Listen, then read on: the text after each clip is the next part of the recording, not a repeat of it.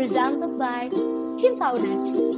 Skora merupakan standing committee on sexual and reproductive health and rights, including HIV and AIDS. Skora hadir untuk bersama-sama meningkatkan awareness masyarakat dan mengurangi stigma negatif seputar kesehatan seksual dan reproduksi. So, hope you enjoy everyone!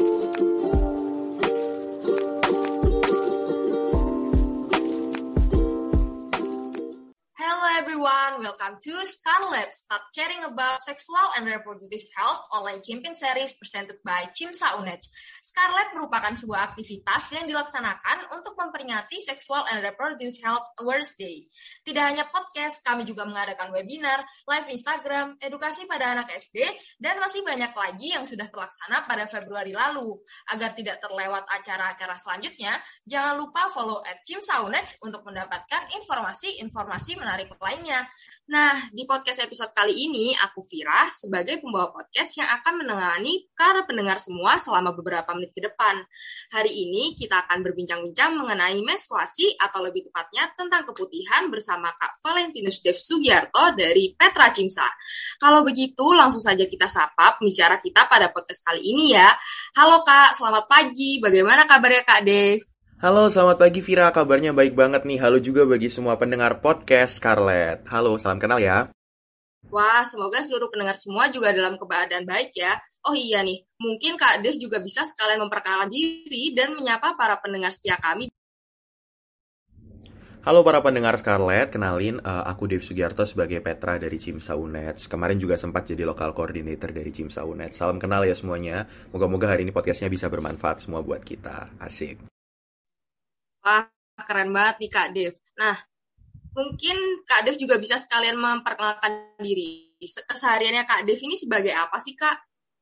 Keseharian aku sama kayak kalian-kalian semua ya mungkin mostly pendengarnya ya. Mungkin juga ada yang di luar mahasiswa, tapi aku adalah mahasiswa Fakultas Kedokteran yang saat ini juga bertempat atau kita belajar di Universitas Jember ya. Jadi uh, ini aku adalah tahun ketiga aku, jadi kebetulan udah pernah dapat nih materi dari kuliah dan juga tentunya dapat beberapa materi dari CIMSA yang bakalan aku share hari ini ke, teman-teman semua. Wah, pantesan Kak Dev ini cocok banget buat pembahasan podcast kali ini.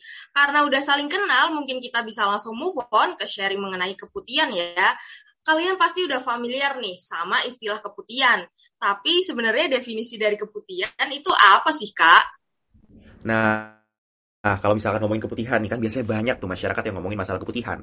Nah, keputihan itu intinya adalah ketika ada lendir atau cairan yang keluar dari vagina teman-teman tentunya yang cewek-cewek ya karena cowok nggak mungkin mengalami yang namanya keputihan Nah, e, cairan ini tuh kita bisa bilang dia ada yang normal dan ada yang nggak normal. Nah, mungkin nanti kita akan bahas nih kayak gimana sih kita menentukan cairan yang normal dan cairan yang nggak normal, gitu. Oh, ternyata gitu ya, Kak. Nah, gitu tuh bagaimana sih, Kak, prosesnya sampai bisa terjadi adanya keputihan? Nah, kalau ngomongin prosesnya ya, jadi kita cerita ada dua nih, kayak tadi yang aku bilang, ada yang normal sama yang nggak normal. Jadi kalau ngomongin yang normal, memang dalam uh, vagina kita itu ada beberapa organ-organ ya. Jadi bagian dinding dinding rahimnya serta dinding-dinding vaginanya itu ada sel-sel, sel-sel yang tujuannya itu bisa mensekretkan sebuah cairan. Dan juga selain dari sel-sel itu ada juga beberapa kelenjar-kelenjar. Nah, cairan ini tujuannya untuk menjaga agar uh, vagina ini kita bisa dalam kondisi yang normal. Gimana sih kondisi normal? Tentunya kita bisa uh, mendapatkan pH tertentu ya pH ini tujuannya untuk menjaga kestabilan kestabilan dari vaginanya ya supaya bakteri-bakteri tidak bisa tinggal di sana karena ada beberapa bakteri yang harus perlu pH tertentu. Nah kalau ngomongin yang sakit ya intinya sakit ini kenapa kok dia discharge-nya bisa meningkat? Karena ada organisme-organisme lain ya. Organisme-organisme yang jahat yang ada di vagina dan organisme tersebut ketika ada di sana lama mereka akhirnya bisa mensekret atau output dari adanya organisme itu bisa menularkan cairan. Nah cairannya bukan dari tubuh kita ya. Itu cairannya yang sifatnya patologis logis atau merupakan tanda dari adanya penyakit tersebut. Kayak gitu. Jadi bisa dibilang keputihan ini dialami semua umur ya. Dari kecil sampai besar pun itu bisa dialami. Bahkan ketika kita menopause ya. Ini sering kali sering ditanyakan juga sama orang-orang ya. Benar nggak Fir?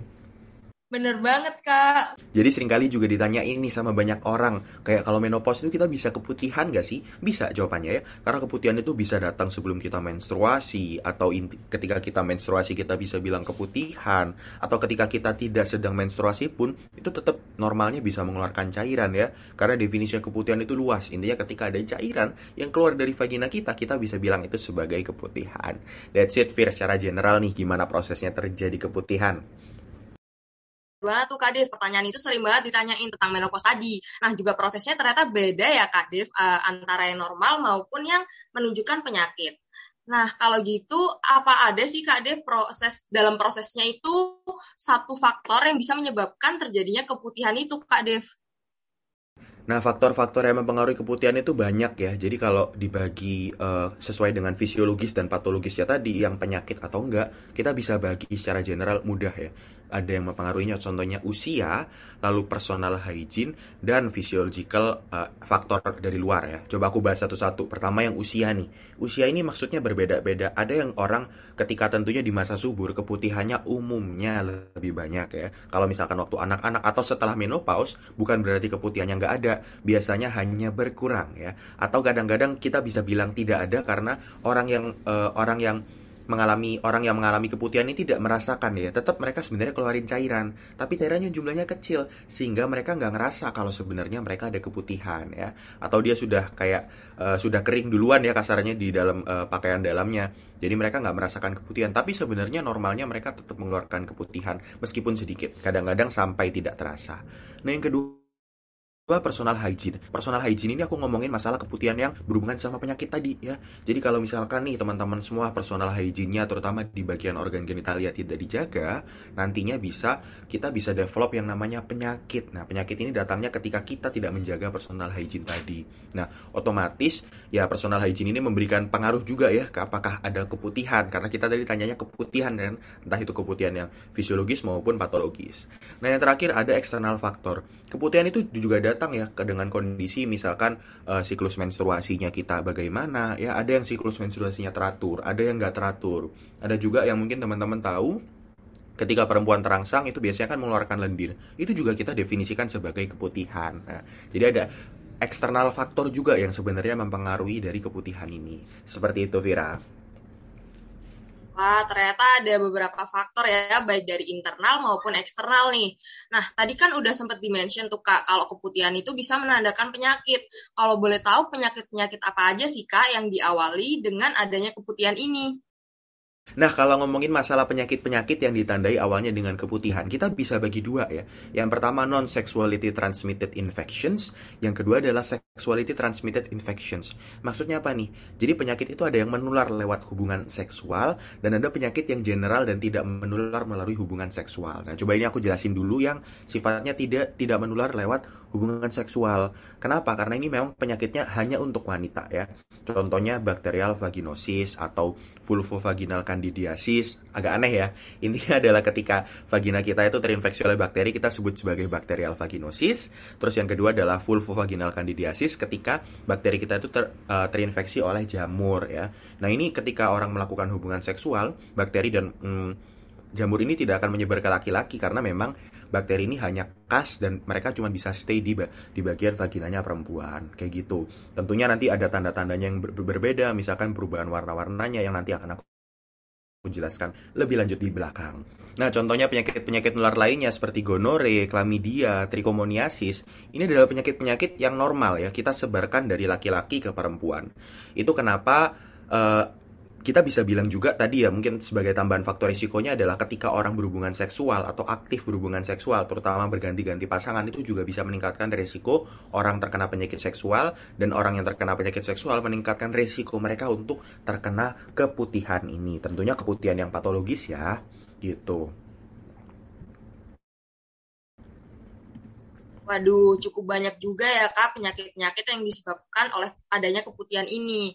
Nah, uh, kalau misal udah terjadi nih kak uh, ada orang yang kena penyakit juga karena diawali keputihan. Nah, ke mana sih kita harus memeriksakan diri? Karena kan para perempuan ini juga kadang bingung ya, karena dokter eh, dokter-dokter tuh jenisnya juga banyak gitu kak. Oke, pertanyaannya bagus banget nih. Sebelum kita sebelum kita ke sana, sepertinya aku pengen jelasin dulu kira-kira apa sih keputihan yang normal sama yang nggak normal ya. Jadi kita harus sadar dulu sebelum kita ke dokter, kita bisa assess sendiri dulu ya. Kalau misalkan kita kalau misal kita bisa sadar nih, kita bisa harus bisa bedain kira-kira nih keputihan normal apa enggak sih dari mana aja kira-kira dari ciri-cirinya yang pertama warnanya ya kalau keputihan normal itu biasanya tidak berwarna which is bening atau warnanya putih ya Terus yang kedua biasanya dia tidak berbau atau mengeluarkan bau yang khas tapi tidak menyengat ya. Misalkan nggak bau amis ya. Kadang-kadang ada yang baunya seperti ikan asin dan lain sebagainya ya. Nah terus berikutnya normalnya dia bisa meninggalkan bercak kekuningan di celana dalam. Itu normal ya. Seringkali orang, wih ini ada bercak nih berarti ini keputihan yang nggak normal. Enggak, itu normal ya masih normal.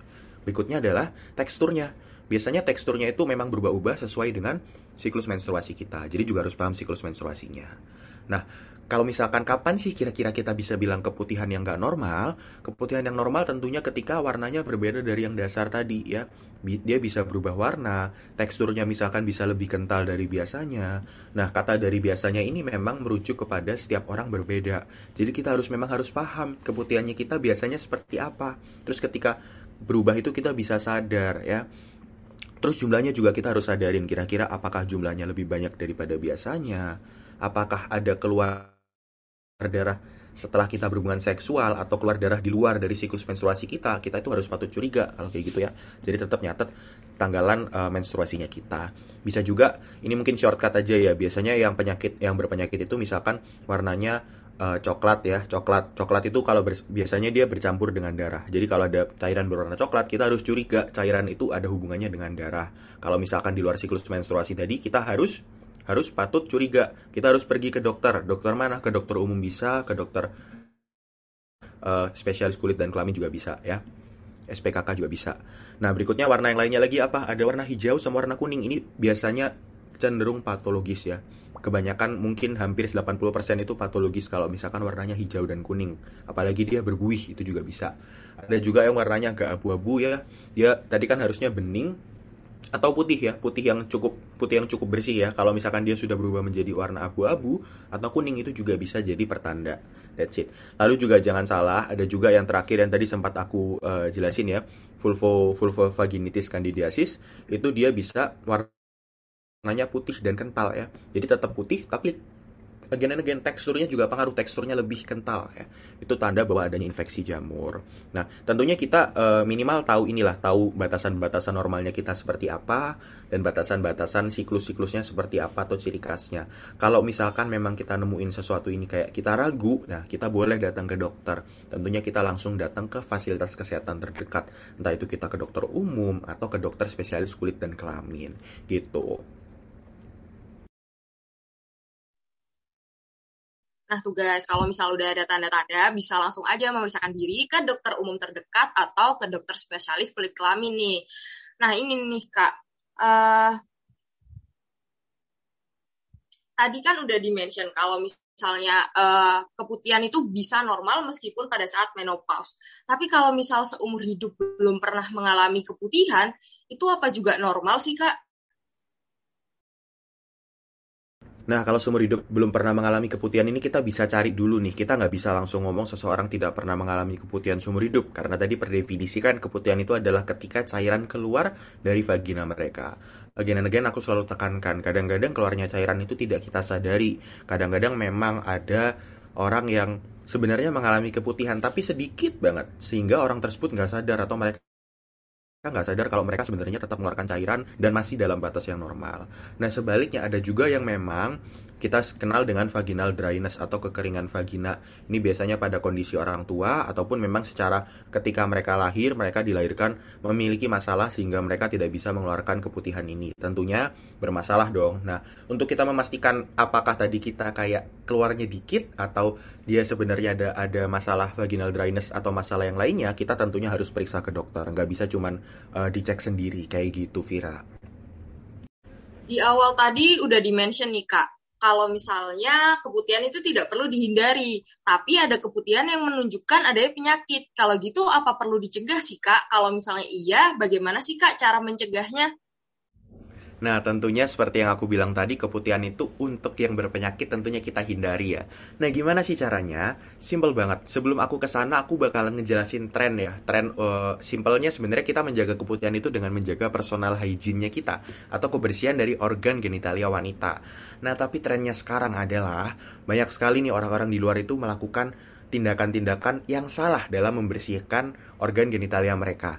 Contohnya dengan menggunakan antiseptik. Kan ada tuh ibu-ibu di Indonesia setahu aku banyak banget misalkan menggunakan uh, produk-produk yang berhubungan dengan daun sirih ataupun produk-produk yang berhubungan dengan alkohol ataupun iodin. Ini sifatnya berbahaya ya kalau misalkan kita nggak ada penyakit tapi kita kebiasaan membersihkan seperti ini, ini berbahaya karena dia bisa mematikan bakteri-bakteri baik yang sifatnya menjaga daripada pH ataupun kelembapan dari vagina kita.